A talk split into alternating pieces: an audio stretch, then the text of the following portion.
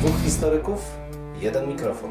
Jeden mikrofon? Dwóch historyków? No nie, ale to znowuż mi wszedłeś w paradę. No tak zazwyczaj się dzieje. Profesor Krzysztof Równiewicz. Profesor Przemysław Wiszewski. Próbujemy nagrywać to, co nas ciekawi, to, co nas kręci, ale zawsze w kontekście historii. No niestety, takie już mamy, że tylko o historii, chociaż czy zawsze na poważnie? No nie zawsze, a przede wszystkim historia to cały świat. To nie tylko to, co minęło, ale też to, co jest teraz. Chcemy pokazać, że w historii można poznawać się w różny sposób. Zdecydowanie w różny sposób i nawet można się nią bawić. Państwo wszyscy widzą, że się uśmiechamy, więc my się też bawimy nieźle.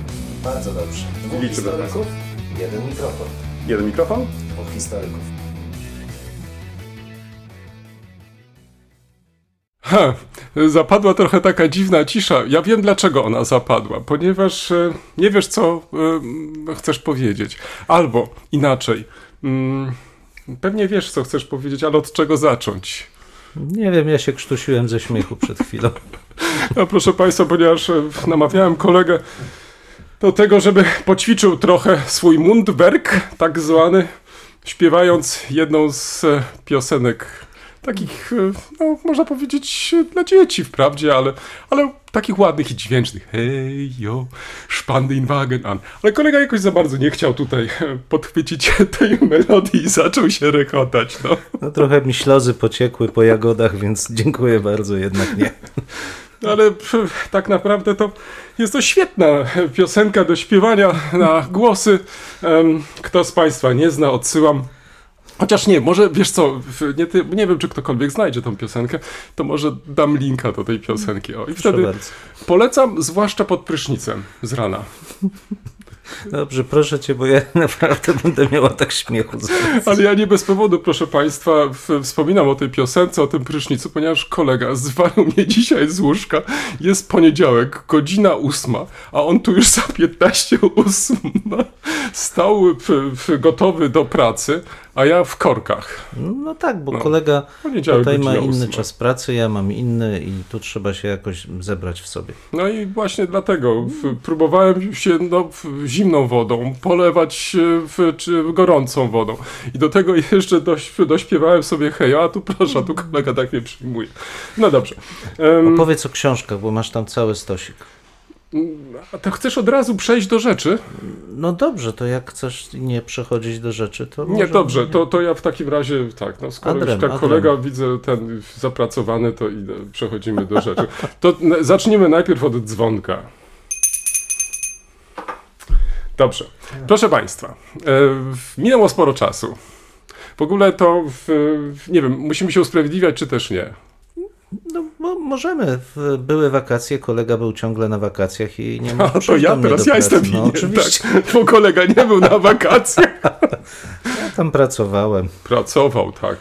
Tak, tak, on pracował. Też tam co rusz e, przesyłał jakieś zdjęcia z, obcych pracy. krajów, tak, z pracy. No, jak zwał, tak zwał. No, ja myślę, że niektórzy chcieliby mieć taką pracę. Ale proszę bardzo, ja zawsze uważałem, że moja praca jest genialna, świetna i wspaniała, więc ja zachęcam. No, ja w każdym razie byłem na faktycznie na wakacjach, więc nie będę tutaj e, w, w, twierdzić, że byłem w pracy. Ale czy faktycznie nie byłem w pracy? Dobrze, zaraz się okaże zresztą. Dobrze, e, skoro to ja mam zacząć e, mm, i wracamy chyba już pomału do jakiegoś takiego rytmu, mam nadzieję, naszych e, spotkań, naszych rozmów. Ale zanim to przejdę do lektur, to, to, to chyba słowa podziękowania, bo w, mimo, że była długa przerwa, Państwo się dopytywaliście, dlaczego nie nagrywamy kolejnego odcinka, dlaczego zamilkliśmy. No więc tak chcieliśmy co jakiś czas y, usprawiedliwić się, no, że je- jeszcze jesteśmy na wakacjach, że jeszcze jakoś się nie możemy spotkać. O, kolega jest zapracowany, ja gdzieś w rozjazdach. Ale proszę Państwa, to wcale nie oznacza, że nie myśleliśmy o tym, co będziemy nagrywać, że nie zbieraliśmy sił, czy też jakby ktoś określił, ładowaliśmy akumulatorów. Tak jest i kolega dlatego tyle śpiewał, bo on ćwiczył swój mundwerk, żeby był jeszcze bardziej wyraźny i dobitny. A, widzę, że się koledze to spodobało bardzo. Oczywiście, oczywiście. Zacznę może od e, rzeczy, którą, czy od sprawy, którą podjęliśmy ostatnio, mianowicie ym, obiecaliśmy, że sprezentujemy dwa egzemplarze e, kolegi Winkena, książki, którą napisał o tak zwanym polskim pomniku. Mieliśmy jedno zgłoszenie, bardzo ładne zresztą, e, książkę prześlemy. Także jeszcze raz Dieter Bingham, pamiętaj o Polsce, niemiecka debata. Mamy też e, drugą książkę do rozdania. Em, Właśnie się ukazała. E, Nie wiem, czy nawet jest w księgarniach, ale my ją już mamy. A to jest ważne, widzisz. Mianowicie mm, doktora habilitowanego Andrzeja Dębskiego, specjalisty z zakresu kina. Historii doktor kina, Dębski, dodajmy. historii kina, tak. Niemieckiego, dolnośląskiego. Dolnośląskiego. chyba. Przedłożył nam teraz e, nową rozprawę, jest to, który jest redaktorem, o może tak, na obrzeżach Wielkiego Miasta, z dziejów kina na Dolnym Śląsku do 1945 roku. Ja myślę, że wszyscy wielbiciele kina niemieckiego na Dolnym Śląsku chętnie sięgną po tą książkę, ale, Ale nie tylko. regionaliści też, bo... Ale? Tak, bo ja z wielką przyjemnością zauważyłem, że moje ojczyste miasteczko Szprotawa mm, jest tutaj wymienione, jest opisane, są wszystkie kina regionalne wymienione z okolic, zwłaszcza tego międzywojennego okresu, więc naprawdę zachęcam. Bardzo ciekawa lektura. E, To prawda. W, myślę, że może do książki jeszcze e, wrócimy, natomiast teraz chcielibyśmy ją anonsować. I właśnie, zadamy jakieś e, pytanie, czy no, nie wiem, kto pierwszy się zgłosi, dostanie tą książkę, czy, czy, czy trzeba to jakoś tak, nie wiem. Ja nie wiem, bo ja się boję, że ty wymyślisz konkurs piosenki. No nie, ale przecież to, to nie jest tematem tej książki, to jeśli już, e, to Najciekawszy motyw muzyczny. No dobrze, to. Ale skąd osoba, która się do nas zgłosi, będzie wiedziała, że, że chodzi tutaj o jakiś motyw y, muzyczny? No bo zanuci i prześlę ci plik taki muzyczny. Dobrze. Dziękuję. Proszę Państwa, mnie się to strasznie podoba. Skoro ja zostałem zmuszony, czy też wywołany do tablicy przez kolegę, albo sam się wywołałem z, to, z tym takim, z tą taką piosenką dziecięcą. Um, Hej, już Banditwagen an. To, to proszę bardzo, tak, tak. y, Można przesłać teraz plik MP3. Ja ocenię, czy jest to wystarczające, ażeby przesłać y, mm, książkę pana y, Andrzeja Dębskiego. Dodam, że książka jest pięknie wydana, bogato ilustrowana. Oprócz tego mamy dołączone dwa filmy. Ty. Nawet nie zwróciłeś na to uwagi, Nie. proszę bardzo. Wrocław i okolice z 1927 roku i drugi film Hrabstwo Kłodzkie z 1927 roku. Myślę, że powinniśmy zrobić chyba konkurs piosenki. Ewidentnie, mówiłem, że tak się skończy. Dziękuję. E, jeszcze raz e, Andrzej Dębski na obrzeżach Wielkiego Miasta z dziejów kina na Dolnym Śląsku do 1945 roku. Jak długo czekamy na w, w te zgłoszenia? Dwa tygodnie, co? Nie, daj tydzień, nie, bo Tydzień, to, to jest książka nowa, w, są dwa filmy, dużo obrazków, w, w, plik MP3, w, tak, chętnie posłucham. Ale dowolna konkurencja, prawda? To może być zarówno e, śpiew a cappella, to może być e, z akompaniamentem, no nie wiem, no, kto, co każdy ma tam. W duszy gra.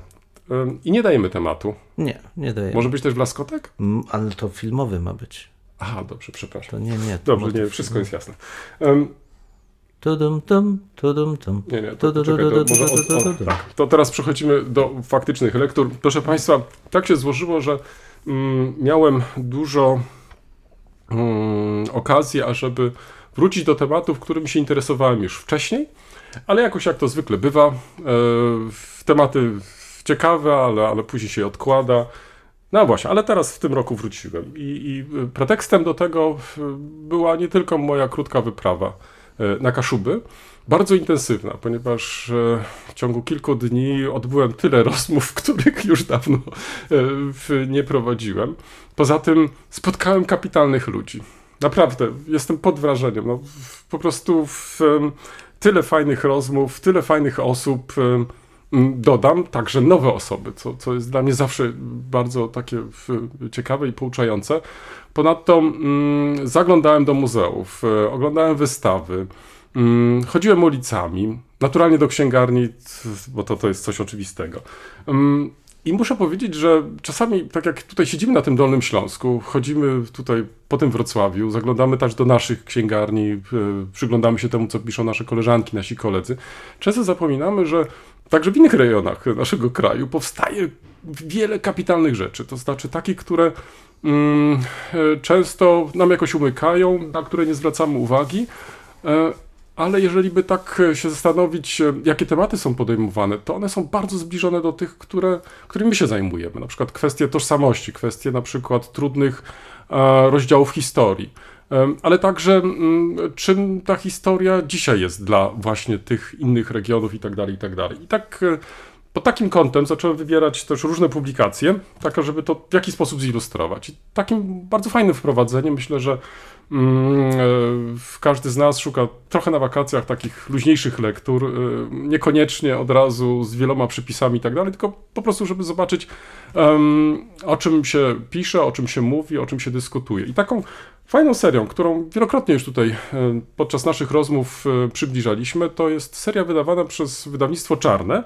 Właśnie ukazała się książka Tomasza Słomczyńskiego Kaszebę, poświęcona Kaszubom. No i skoro byłem już na tych Kaszubach, no nie sposób oczywiście do tej książki nie zajrzeć, po to tylko, żeby mm, w jakiś sposób e, przekonać się, no, czym żyją dzisiaj Kaszubi, bo to jest jeden wielki reportaż, to znaczy o różnych aspektach tych tematów, problemów, którymi Kaszubi dzisiaj się zajmują, e, jako mniejszość, e, mm, jak widzą tą większość polską, jak widzą relacje polsko, kaszubsko-niemiecko-żydowskie. To są bardzo ciekawe tematy. Ale to, co mnie zainteresowało w tej książce, to jeszcze coś innego. Bo oprócz tego, że mamy tutaj sporo mm, informacji o tożsamości kaszubskiej, jak Kaszubi dzisiaj się definiują, jak różne ugrupowania funkcjonują na Kaszubach, e, jedne propolskie, inne tylko prokaszubskie, jaka, jaką rolę i znaczenie pełni język kaszubski, to sporo też dowiedziałem się o mm, losach Kaszubów e, podczas II wojny światowej, a zwłaszcza w pierwszych e, miesiącach po II wojny światowej, bo mm, temat przykładowo zbrodni seksualnych jest tematem, który jakoś tam się przewija w historii, ale nie zawsze sobie zdajemy z tego sprawę, że także ofiarami e, były Polki, były Kaszubki. Też, no, może nie jest to do końca teraz ważne, czy to były Polki, czy, czy, czy to były Niemki, ale w każdym razie em, także i one, e, czy, czy je spotkał także ten, ten, ten ciężki los i na ten temat pisze e, Słomczyński, e, podjął ten temat i nie ukrywam, że jest to dla mnie em, nie tyle rzecz nowa, ale tylko pokazuje, że em, druga wojna światowa, także jej skutki, to nie jest tylko problem, e, nazwijmy to ludności rdzennie polskiej, ale także tej żyjącej na pograniczach. No i różne traumy, które wtedy powstały, do dzisiaj w, w, funkcjonują, rany są do dzisiaj niezabliźnione. I dobrze się stało, że mm, autor Tomasz Słomczyński w swojej książce Kaszebę podjął właśnie ten temat. Innym tematem, który podjął, to Marsze Śmierci w, po e, likwidacji e, obozu w Stutthofie. Także ten temat pomocy Kaszubów dla więźniów e, jakoś tak dotąd też nie do końca dla mnie był e, w, jakoś tak, tak aktualny, ale to też pokazuje, że to jest jakiś kolejny temat, którym warto się zająć, e, którym, o którym warto też dyskutować. Na przykład ja nie znam, e, jeśli chodzi o polską literaturę dotyczącą na przykład Dolnego Śląska, żebyśmy mieli taki wykaz miejsc mm, po likwidacji filii obozów Grossrosen, marszów śmierci. W przypadku Kaszub natomiast to mamy. Jest, ukazał się przepięknie wydany e, w, przewodnik właśnie poświęcony tej problematyce różnych miejsc e, i to tylko pokazuje skalę tego zjawiska. Myślę, że to też jest dla nas e, chociażby dezyderat, żeby taki na przykład przewodnik e, m, miejsc związanych z marszami śmierci, a przecież wiemy doskonale, że na Dolnym Śląsku mamy sporo takich właśnie miejsc, które upamiętnione są dodatkowo jeszcze pomnikami, żeby taki wykaz po prostu e, opublikować i żebyśmy wiedzieli, o jakie miejsca chodzi, jak dzisiaj pamięta się e, o tych e, tragicznych sprawach i tak dalej, i tak. Także mm, ta książka była nie tylko dla mnie inspiracją do tego typu rozważań, ale też uzmysłowiłem sobie jeszcze inną rzecz. Teraz mamy wrzesień, wprawdzie już po 1 września 1939 roku, czyli kolejnej rocznicy wybuchu II wojny światowej. Mm, Dlatego zachęcam Państwa też do sięgnięcia do tej książki także i być może kolega znajdzie też czas, żeby to zrobić, e, ponieważ trochę mamy inną historię II wojny światowej. To znaczy, tutaj u Słomczyńskiego jest e, to jeszcze bardziej e, podkreślone niż być może w innych publikacjach tego rodzaju. Jak różni się nasza optyka, ta taka bym powiedział warszawsko-krakowska na II wojnę światową, od tej właśnie mm, e, pomorskiej, może gdybyśmy poszli jeszcze krok dalej i podkreślili w, gdzieś na przykład, nie wiem, em, Wielkopolska, czyli tych obszarów, które zostały włączone w, do Rzeszy Niemieckiej. Nie te, które tworzyły guberna- gubernatorstwo, tylko do Rzeszy Niemieckiej. I jak zróżnicowana była to polityka. I dzisiaj, kiedy dyskutujemy o różnego rodzaju problemach, także dotyczących różnych części Polski, nie zawsze sobie uzmysławiamy y, tej właśnie, czy nie zawsze uzmysławiamy sobie tą specyfikę. I o to apeluje też autor, to znaczy, że w sytuacjach, kiedy dyskutujemy na przykład o problemie Volksdeutsche, e, to żebyśmy uwzględniali właśnie tą specyfikę, to znaczy, żebyśmy nie wrzucali tego stereotypowo do jednego worka i na przykład oskarżali. E, Tak, czasami mamy też taką tendencję do takiego bardzo em, łatwego oskarżania w- za takie czy inne postawy. One są bardziej zróżnicowane. One trzeba, czy trzeba te postawy po prostu w zależności od regionu w, brać bardziej pod uwagę niż to dotąd się czyniło. Dlatego z tego też powodu ta książka popularna, napisana dla w, e, zainteresowanego czytelnika Kaszubami, współczesnymi Kaszubami, wydaje mi się jest książką też ważną, chociażby z tego powodu, ponieważ pozwala nam spojrzeć nieco szerzej na mm, e, problem II wojny światowej poprzez właśnie ten mały region. E, I tym samym nas w jakiś sposób też uwrażliwić na to właśnie zróżnicowanie. Nie wiem, em, czy ponieważ słuchają nas też nauczyciele, czy nauczyciele na przykład e, w, podczas swoich lekcji mm, e, sięgają po takie lektury, zwracają właśnie na to zróżnicowanie mm, uwagę. No to jest fajny temat. Myślę, że lepiej znany naszym słuchaczom przez pryzmat Górnego Śląska, gdzie te refleksje pojawiły się no, dużo wcześniej, zresztą najczęściej właśnie w takim negatywnym, e, negatywny sposób przedstawiane. Ale jeśli chodzi o Kaszubów, to oczywiście dziadek z Wehrmachtu spopularyzował tą tematykę, a książkę mam tylko ja mam w e-booku, panie kolego. Wiesz co, ale po, powiem ci tak, bo to się zastanawiałem, czy nie kupić sobie w e-booku, ale później sobie pomyślałem tak, e, że skoro mm, jest to mój heimat, No to tak. dlaczego mam rezygnować e, z szelestu kartek? 100% racji. Tu w Dziękuję. ogóle nie, nie daje się w polemikę. Te najcenniejsze, najciekawsze książki też kupuję w papierze. Proszę, i stoją później na półce. No i jest gruba, Ale jest, jest- ładna. I, ale jest też i przeczytane, i, i są notatki, słuchaj, No. na marginesach. Natomiast e, w e-booku nie zawsze mogę sobie zrobić Tak, notatki to jest na marginesie. Tak, Tak. tak, tak. tak. I później to takie kartkowanie w, Mhm. to jest trochę problematyczne. Ale y, żeby w, mm, pójść krok dalej, to oczywiście mm, y, to był tylko taki punkt wyjścia, w taka bym powiedział nawet przygrywka, ale mm, podczas tych moich peregrinacji po dzisiejszych Kaszubach y, zaglądałem do muzeów, zaglądałem do różnych księgarni em, i trafiałem na kapitalne e, publikacje, których nie miałem żadnego pojęcia. Przykładowo w Muzeum e, w Kaszub w Kartuzach em, trafiłem na rocznik e, Kartuzskie zeszyty muzealne. E, uda- Ukazuje się od kilku lat. Jest to bardzo ciekawa inicjatywa. Wprawdzie jest ona ograniczona do, do Kartuz, czy też ziemi kartuskiej, ale artykuły tam opublikowane czyta się z dużym zainteresowaniem. Em, Podejmują one tematy, zarówno te takie, bym powiedział, typowo regionalne, ale też i szersze. Znajdziesz tam na przykład e, mm, artykuł w ostatnim e, wydaniu e, tego mm, rocznika e, wspomnianego przeze mnie Tomasza Słomczyńskiego o traumie 45 roku. E, Także polecam, warto zaglądać do tych mniejszych muzeów, żeby zobaczyć, jak aktywne te muzea są, a oprócz tego, jak ciekawe publikacje czasami można tam e, po prostu znaleźć. Tak więc e, do tego zachęcam.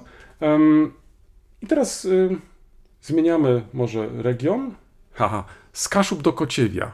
Ja nie wiem, czy takie różnice są dla ciebie jakieś takie, wiesz, nie wiem, te zniuansowane różnice regionalne ceramice, są dla ciebie ceramice tutaj... są istotne, to wiadomo. E, Widzę tu kolega w, w, podejmuje temat, na którym ja się kompletnie nie znam, ale być może pociągniemy ten wątek ceramiczny przy innej okazji. Ja się natomiast pochwalę, że zmieniłem też region, to znaczy z Kaszub udałem się na Kociewie do Skarszew. Nie wiem, czy taka miejscowość coś tobie mówi. Jest bardzo ciekawa. I tam, wyobraź sobie, znalazłem rocznik historyczny Skarszewski. Przepięknie wydany. Dlaczego udałem się do Skarszów? To też jest część mojej małej ojczyzny, nazwijmy to tak. W lesie pod Skarszewami zamordowano członków mojej rodziny. E, I to mnie interesowało podczas II wojny światowej, zaraz po rozpoczęciu wojny w 1939 roku. Zainteresowało mnie to, e, w jaki sposób dzisiaj pamięta się o e, tej zbrodni. No i czy można tam trafić w to właśnie miejsce? No i muszę ci się przyznać, Państwu też, że miałem duże trudności, ale być może było to spowodowane tym, że już e, w- wracaliśmy do Wrocławia, e, lał deszcz, e, przeoczyliśmy któryś z drogowskazów i po prostu nie skręciliśmy do e, lasu w odpowiednim miejscu. Skręciliśmy do lasu, ale nie znaleźliśmy tego miejsca, to już tylko tak zostawię. Natomiast będąc w samych Skarszewach, faktycznie trafiłem na mm, mm, ten drugi tom rocznika i przyznaję, było to dla mnie małe odkrycie, ponieważ e, mm, e, później e, nawiązałem kontakt z redaktorem, z wydawcą tego właśnie rocznika, ale też autorem tekstów w tym roczniku. Bardzo ciekawy tekst poświęcony Żydom e, w Skarszewach. To też jest taki temat, który rzadko się moim zdaniem podejmuje, to znaczy mm, wcześniej mówiąc o Kaszubach, czy teraz o Kociewiu, mamy na uwadze przede wszystkim relacje polsko-kaszubskie albo polsko-niemiecko-kaszubskie, natomiast często zapominamy o tej problematyce żydowskiej. Tu autor mm, Wiesław Brzoskowski ten temat e, podjął. No i ponieważ nawiązałem kontakt z autorem, e, w, w, bardzo tak, w, by powiedział, entuzjastycznie wręcz zareagował na to moje zainteresowanie. Jak się wkrótce okazało, jest autorem licznych publikacji regionalnych poświęconych poszczególnym mm, miastom, wsiom regionu. I przesłał mi też inną publikację, która w, w, zainteresowała mnie z dziejów Bączka i Czarnocina. E, Koledze pokażę, tylko żeby tak zobaczył i się nie nudził, e, kiedy ja tak sobie tak opowiadam. E, Przepięknie wydane, w- wydane w, w książek tych nie znajdziesz już w Skarszewach. To oznacza, że jest duże zainteresowanie, duże zapotrzebowanie też wręcz na tego typu literaturę. Mm, Autor, jeśli coś pomyliłem, to proszę, żeby mnie poprawił. Emerytowany dzisiaj nauczyciel historii, dyrektor wieloletni szkoły podstawowej, czy jednej z dwóch szkół podstawowych w Skarszewach. Także to też jest piękny przykład nauczyciela, zaangażowanego nauczyciela, e, nie tylko wykładającego e, historię, ale też zainteresowanego małą ojczyzną i przybliżaniem e, dziejów tej małej ojczyzny. Mi się wydaje, że to, to zestawienie jest kapitalne i możemy chyba tylko zachęcić do tego, bo przecież my jako historycy, ci pracujący na uniwersytetach, może nie zawsze zwracamy na to uwagę, że mm, także w poszczególnych miejscowościach są kapitalne osoby, kapitalni ludzie, wydają świetne rzeczy i nie zawsze one po prostu do nas jakoś tak e, trafiają. A właśnie, no trafiają może przez przypadek trochę, jak e, odwiedzamy takie czy inne miejscowości. Książki, jak widzisz, pięknie wydane, e, z dużą starannością, bardzo dużo ilustracji, które no właśnie mają przybliżać takie czy inne mm, problemy, takie czy inne osoby.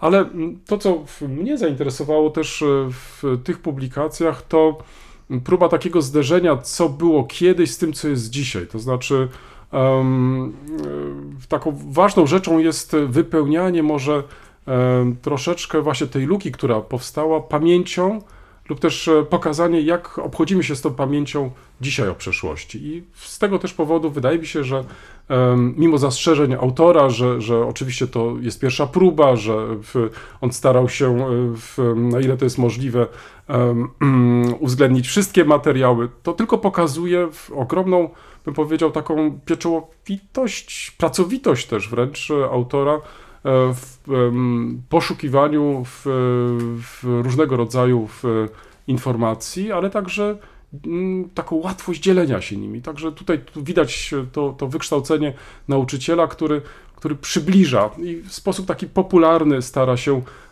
nas przekonać do poznawania, e, no właśnie, tej małej ojczyzny, jego małej ojczyzny, być może wielu też, e, ale dla nas historyków takich e, zajmujących się bardziej tą e, e, historią regionalną, e, to na co on zwraca uwagę, to jest na potrzebę poznawania tych różnych stron historii. E, I to wydaje mi się jest cenne i ważne. Także może tyle, jeśli chodzi o moje lektury. Zaznaczam, że to jest tylko część. E, Tych książek pozbierałem więcej, oczywiście dotyczących innych tematów, ale ponieważ e, to nasze spotkanie jest chyba pierwsze po dłuższym czasie, sami Państwo widzą, że ja sam mam kłopoty z tym, żeby po pierwsze raz mówić krótko, a dwa nie wiem, czy już nie chciałem użyć nie zawsze na temat, e, a dwa, no właśnie, mm, no może ta, ta, ta, ta długa przerwa spowodowała, że, że wypadłem z rytmu, o, powiem w ten sposób. Bardzo mi się podoba adnotacja w roczniku skarszewskim. Publikację wydano z inicjatywy Alternatywnego Komitetu Obchodów 700-lecia nadania Skarszewom Praw Miejskich. To pokazuje bujność życia i zainteresowanie historią w Skarszewach. Dobrze, proszę Państwa, ja nie będę tak e, tutaj rzucał tytułami, bo kolega e, jest bezkonkurencyjny, zresztą czas nam, Jest, tak, jest, tak jest. czas nam upływa. Więc ja chciałem tylko e, zaanonsować książkę, która wychodziła przez chyba 3 lata pod redakcją Pauliny e, Richterowej, wspartej przez Dawida e, Kalhousa, histo- z serii Historiography and Identity. Um, e, no, dużo by o tym mówić. Jeden z najciekawszych chyba serii badających formowanie się tożsamości wspólnot e, średniowiecznych wokół różnych e, zagadnień, tym razem Competing Narratives of the Past in Central and Eastern Europe, czyli w konkurujące opowieści o przeszłości w środkowej i wschodniej Europie między 1200 a 1600 m, e, 600 rokiem. E, Bardzo ciekawa publikacja, ponieważ nie skupia się w, na narracjach opisujących wyłącznie z perspektywy, dziś powiedzielibyśmy, narodowej przeszłość i budowania tożsamości właśnie wspólnot narodowych, uwzględnia też regiony. Więc mamy ten link e, do e, lektur w kolegi. Trzy duże części poświęcone hmm, tworzeniu wspólnot z pomocą narracji z bardzo ciekawym podtytułem A Past That Never Was, czyli jak wymyślona przeszłość pomaga kreować e, wspólnoty. Druga część poświęcona jest jakby uzasadnianiu em, pragmatycznemu funkcjonowania pewnych reguł politycznych, czyli wykorzystywanie narracji o przeszłości do zabezpieczania stosunków władzy w danej chwili, The Realm and its People, Rewriting Political Identities. I trzecia to właśnie Local and Regional Identities in a Dialogue. Bardzo ciekawa praca. W, autorzy w zasadzie chyba z całej Europy Środkowej, bo przy dominacji e, polskich, węgierskich, czeskich em, autorów e, znajdziemy, e, znajdziemy tutaj także autorów niemieckich, Markus Wüst, Martin Haltrich, Jürg Sonntag, ale też i litewskich, Lim Widas Patrauskas From Dynasty to Noble Identity. E, Uderza oczywiście szerokość tej e, perspektywy, ale od razu powiem, co mi się, w, co mi się nie podoba, bo musi mi się coś nie podobać. No, Znaczy ja w, od tego jesteśmy też.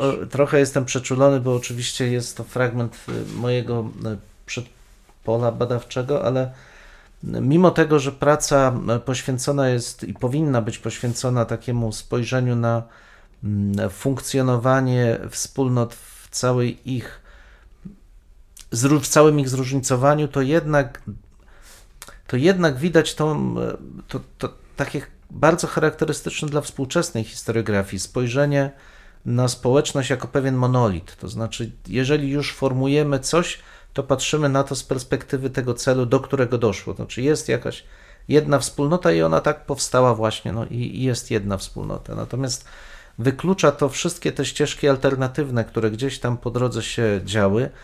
Mm, Bardzo rzadko, z wyjątkiem w zasadzie kilku artykułów z tej właśnie ostatniej regionalnej części, nie pojawia się, bardzo rzadko pojawia się ten e, temat funkcjonowania różnych grup etnicznych, różnych tożsamości, które rozmawiają ze sobą przy pomocy tych narracji. Pomimo to serdecznie e, polecam, książka wyszła ni- niestety, niestety w bardzo dobrym wydawnictwie Brepols, to oznacza, że jest dość droga, ale w, jeżeli uda się, są takie serwisy, ale nie będę zdradzał, to można z niej skorzystać w inny sposób, bo wiedza zawsze jest, e, powinna krążyć bez, e, bez swoich ograniczeń. Czyżby już miała swoją wersję piracką? Ale ja nic o tym nie wiem. Ja mam to tak wersję oko... zabrzmiało. Mam tutaj w papierze. Nie, to tylko bardzo. potwierdzam, to tylko potwierdzam, Tak, że... Tak, tak, tak. Tak, tak, że to jest fizyczny, fizyczny egzemplarz. No ale tutaj y, widzimy ten link, czyli kolega nam tutaj zaprezentował z perspektywy y, swojego Heimatu, jak sam powiedział, tą różnorodność. Ja trochę, y, trochę może wcześniejsze dzieje przedstawiałem, no ale to, to nas łączy, czyli pokazywanie tego, że wspólnoty, które są dzisiaj może traktowane jako dość jednorodne, y, w rzeczywistości nie tylko powstały jako produkt bardzo różnorodnych grup, ale nadal wcale takie jednorodne nie są. Znaczy tutaj oczywiście podejmujesz e, nie tyle nowy temat, co Mm. temat, który chyba stale nam się przewija w trakcie naszych rozmów i do czego też zachęcamy nasze słuchaczki, naszych słuchaczy.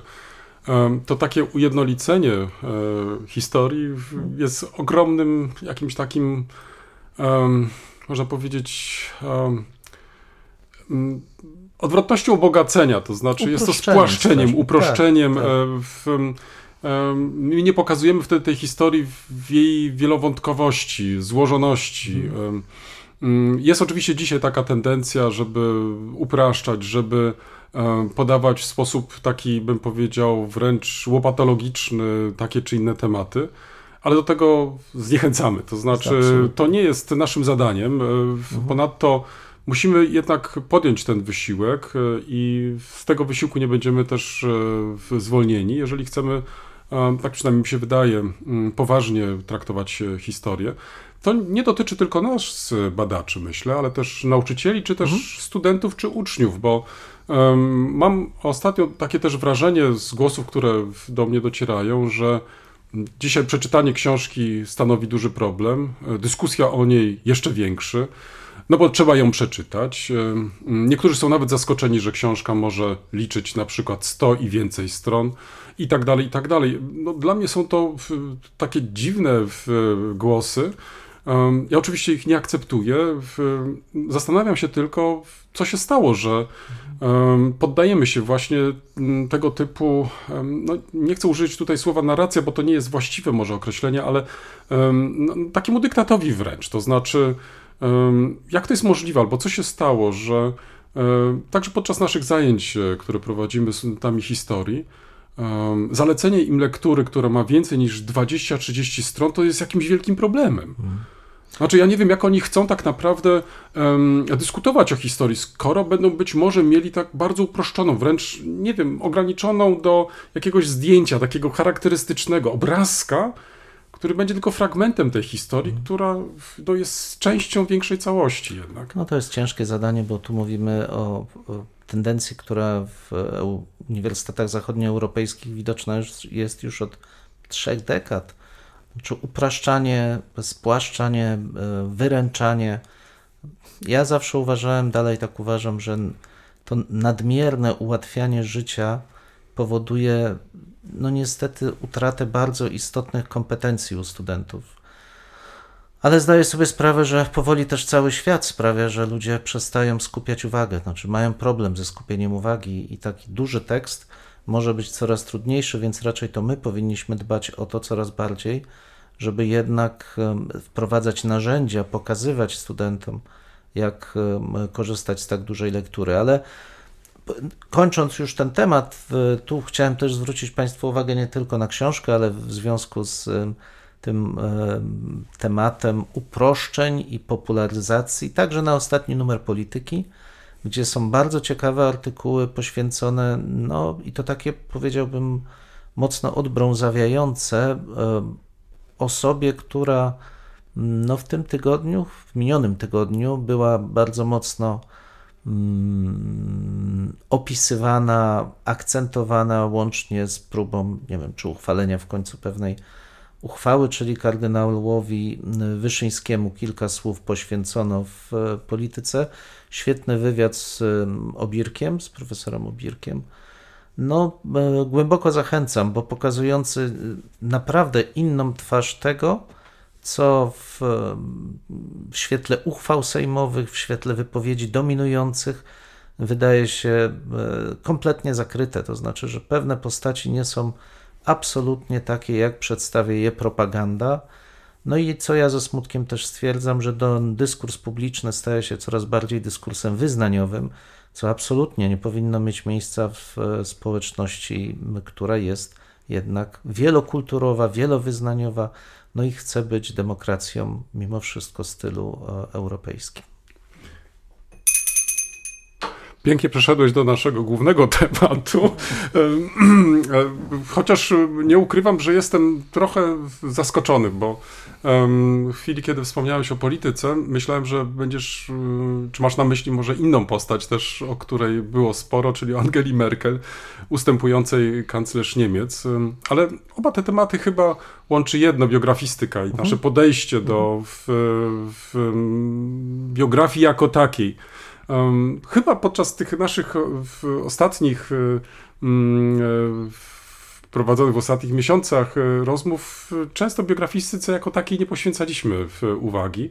Myślę, że to jest też bardzo ciekawy temat, chociaż myślę, że jeśli rozumiemy tą biografistykę tak bardzo szeroko, to równie dobrze możemy przejść do badań na przykład genealogicznych, e, rodzinnych i tak dalej. I tutaj poruszamy kolejny jakiś taki temat, którym się zajmowałem w ostatnim czasie, badaniami rodzinnymi. E, Bo to nie tylko ten pobyt na Kaszubach, e, te liczne rozmowy, zwiedzanie wystaw, przeglądanie książek, ale też zastanawianie się, jak daleko mogę w tych poszukiwaniach takich genealogicznych, biograficznych po prostu pójść. Muszę ci powiedzieć, że mm, z jednej strony jestem ogromnie zadowolony, z dumą mogę powiedzieć, że na przykład dotarłem do przodków z XVII wieku w prostej linii, proszę bardzo, ale no, no może dlatego, że, że, że zostało to jakoś już e, opracowane, materiały są udostępnione i tak dalej, i tak dalej. Ale stanąłem też przed e, różnymi problemami, e, z którymi chyba każdy staje, kto zajmuje się biografistyką i przykładowo, żeby to tak jakoś zilustrować. Mm, W mojej rodzinie było sporo nauczycieli wiejskich, kierowników szkoły jednoizbowej, wieloizbowej. Później się okazywało, że mieli do pomocy jeszcze dwóch innych nauczycieli i tak dalej, i tak dalej.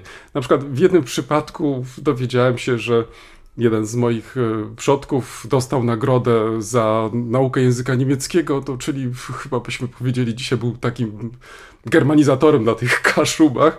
Jeszcze inny z kolei podpadł e, uczennicy, wyobraź sobie, 90-letniej pani, która mimo wieku pamiętała, że hmm, był srogi, oprócz tego w, mm, e, w uczniów e, mm, w niegrzecznych karał pasem, a dziewczyny musiały odliczać. Słuchaj, po, ja nie wiem, po 80-70 latach od tych wydarzeń to utkwiło w pamięci tej pani e, w, tak mocno, że w, mm, podczas wywiadu w, przekazała taką informację. Mm, Ale myślę, że tutaj z tym związany jest jeszcze inny problem. To znaczy, e, jesteśmy w stanie na podstawie materiałów archiwalnych odtworzyć fragmenty biografii takich czy innych e, osób, ale stajemy przed ogromnym problemem braku też źródeł. To znaczy, wojny, które przetaczały się przez e, tereny Polski, spowodowały, że mm, dostęp do tych materiałów e, jest albo ograniczony, albo praktycznie już nie istnieje. No i miałem takie wrażenie, i mam nadal takie wrażenie, że trochę zbieram takie kamyki do mozaiki. To znaczy, e, staram się e, poprzez też analogię napisać coś, jak można było na przykład prowadzić lekcje w XIX wieku, ale co ciekawe, nie na w obszarze mi znanym, tylko na przykład śląskim, tylko gdzieś tam na Kaszubach. I nie mam zielonego pojęcia, to znaczy jak to mogło się odbywać, w jakich warunkach, ale jest to możliwe, żeby to badać. I teraz y, pytanie do Ciebie byłoby takie, y, jak sobie radzić z takimi dylematami? Gdzie z kolei w, w, zalecałbyś y, poszukiwanie takie, żeby stworzyć na przykład biografię takiej e, na przykład rodziny, e, ale nie ograniczone tylko do zwykłego takiego drzewa genealogicznego, tylko pokazującego mm, losy na przykład takiej e, rodziny w jakimś takim szerszym kontekście historyczno-politycznym. O, a ty już bawiłeś się w swoje badania rodziny, czy jeszcze nie? Kolega, proszę Państwa, mówi to z takim entuzjazmem, że widać po prostu, że ten ogień, ten, ta, ta, taka miłość do swojej rodziny go rozpala w tej chwili. Tak, Więc rozpala. Bardzo miło jest to pa- Rozpala, jest bo był nawet i słuchaj, patrzeć. okazuje się, że w Kościerzynie był nawet burmistrz. Jak się okazuje, posiadał sporo nawet dóbr. E, Nie wiem tylko dlaczego. W następnej generacji już pojawił się jakiś rolnik, czyli już chyba stracił wszystko, ale nie znam jeszcze na to odpowiedzi. Także, proszę Państwa, jest to bardzo dobrze e, znany, opisany i obserwowany syndrom wieku średniego, kiedy szuka się korzeni rodziny, No żeby. Dziękuję. swoją młodość.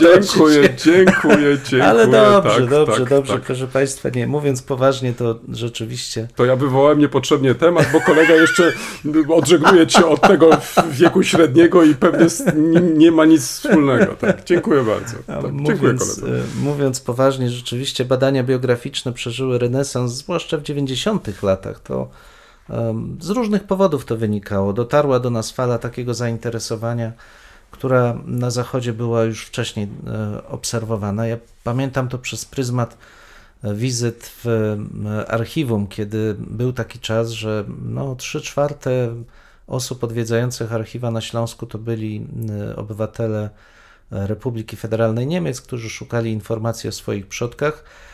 Czasami oczywiście wiązało się to z jakimiś kwestiami spadkowymi, ale generalnie chodziło o ustalenie e, przeszłości swoich, e, swoich rodzin. Ta, to zdjęcie granic politycznych jednocześnie oznaczało takie wyzwolenie pamięci, znaczy poczucie tożsamości zaczęło się bardzo prywatyzować. No, wcześniej mieliśmy jako punkt odniesienia przede wszystkim jednak naród, państwo, wspólnotę tą szerszą, e, natomiast e, przemiany polityczne spowodowały z jednej strony no, wyraźne odżycie badań regionalnych, lokalnych, ale też właśnie tą sferę prywatną powiąza- zaczęło wiązać bardzo mocno e, z przeszłością. I jest to świetna rzecz, bo pozwala mm, jakby ustawić siebie w, już nie tylko w stosunku do pewnych abstrakcji, jaką jest naród, region czy cokolwiek, z tych dużych grup społecznych, ale do bardzo konkretnych rzeczy emocjonalnie naładowanych. Pozwala odnaleźć swoją ścieżkę w przeszłości i lepiej zrozumieć siebie właśnie przez pryzmat losów swojej rodziny. Bardzo, bardzo mnie to cieszy właśnie, jak widzę taki entuzjazm. Natomiast niewątpliwie to jest bardzo trudne, bo w, tak jak wspomniałeś, o ile wyrysowanie drzewa genealogicznego jest e, często możliwe nawet do XVI wieku, bo schodzimy do tego momentu, kiedy księgi e, metrykalne w parafiach się pojawiają po soborze trydenckim, natomiast te informacje wcześniejsze są już bardzo urywkowe i zazwyczaj to są raczej hipotezy niż e, pewniki. Były nawet takie firmy, które genealogicznymi badaniami się zajmowały e, i często wykorzystywały kilka herbarzy, żeby jakoś uzasadnić, dlaczego każdy w Polsce jest potomkiem szlachty. To- no ale dobrze, to są takie zamierzenia komercyjne, bo problem jest szerszy, to znaczy pytasz się w zasadzie o temat, który powinien metodologicznie być bardzo wnikliwie i ostrożnie rozważony, to znaczy jak historie prywatne powiązać z historiami tymi wyższego, szerszego rzędu, czyli właśnie historiami wspólnotowymi.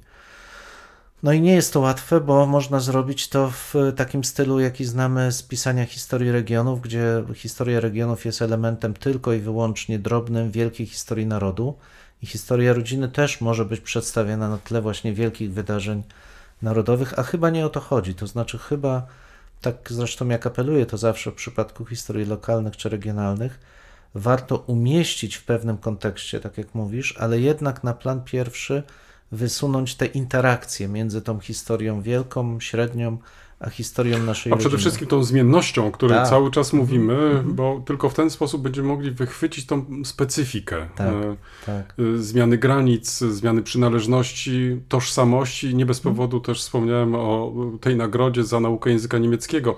Mm, Mam wrażenie na podstawie tych materiałów, które przeglądałem, że wielokrotnie ta rodzina traktowała się jako polska, czyli też w ten sposób się definiowała, ale co to oznaczało? Bycie urzędnikiem obcego państwa, czyli też nauczanie w obcym języku.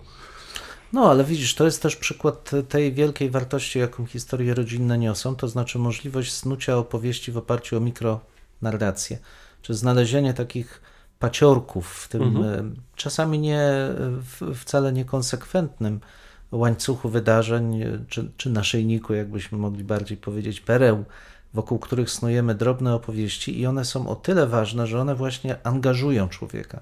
O ile te wielkie narodowe narracje, e, tru, trudno się z nimi dzisiaj e, często po, mm, identyfikować, o tyle właśnie te drobne opowieści są ważne dla rodziny. Że one budują tożsamość, spójność pewnych, e, pewnych wspólnot, gdzie można bardziej precyzyjnie konkretne wartości przekazywać. A temu właśnie takie narracje służą. Czy taka historia musi zawsze e, mieć początek i koniec? E, bo sam zwróciłeś uwagę, że do pewnych okresów mam więcej materiałów, do innych mniej. O jednych sprawach możemy e, więcej się dowiedzieć, o innych też mniej. Em, czy w takim razie mm, coś takiego jak móc zu Lücke, to się ładnie też określa, czyli taka odwaga, że no, mogą po prostu być e, białe plamy. Czy my musimy je stale jako historycy zapisywać? To znaczy, czy my musimy dopowiadać te historie? Mając na uwadze też to niebezpieczeństwo, o którym przed chwilą powiedziałeś, że ta nasza narracja może przestać być tą narracją taką typowo właśnie mikrohistoryczną. Mhm, to absolutnie racja. Zresztą z tym przecież spotykamy się w bardzo wielu przypadkach, kiedy jest takie, taki horror wakui, że boimy się powiedzieć, że właściwie nie wiemy, nie? że to jest, jest próstka. I zapełniamy to modelowymi opowieściami o tym. Pamiętasz może bardzo często w opowieściach tych regionalnych pojawia się i tędy przechodził Napoleon. Ale... No i świetnie zresztą to przedstawi, przedstawił jeden z komików. No i co z tego, że przechodził? No i w naszych e, opowieściach rodzinnych też możemy często powiedzieć, no wiemy, że byli tu, a potem nie wiemy, co się z nimi działo. No właśnie, nie wiemy, gdzieś tam się pojawiają. Ja uważam, że to jest bardzo ważne, żeby mieć i budować w sobie taką e, pokorę, że nasza wiedza jest e, stale zmienna i wręcz daje to nadzieję na to, że ktoś po nas albo my kiedyś bardzo kreatywny sposób do czegoś dojdziemy. Ja jestem bardzo wielkim fanem pokazywania tego, co jeszcze można zrobić, a nie mówienia, że zrobiło się wszystko. Ale zobacz, inną możliwością to jest przeprowadzenie wywiadów ze świadkami wydarzeń. Nie bez powodu też wspomniałem o tej starszej pani, która mm, udzieliła w- pewnie wywiadu rzeki o tym, jak żyło się albo jak wyglądało życie codzienne na Kaszubach. Potrafię sobie to wyobrazić w jakiejś tam konkretnej miejscowości. I oprócz tego mm, zwróciła uwagę, jak wyglądał dzień codzienny w szkole, mm, kim byli nauczyciele, jaki był stosunek uczniów do nauczycieli itd., itd. To jest jednostkowa relacja prawdopodobnie. Oczywiście od historyka wymaga to też e, jakiejś konfrontacji z innymi materiałami itd., itd.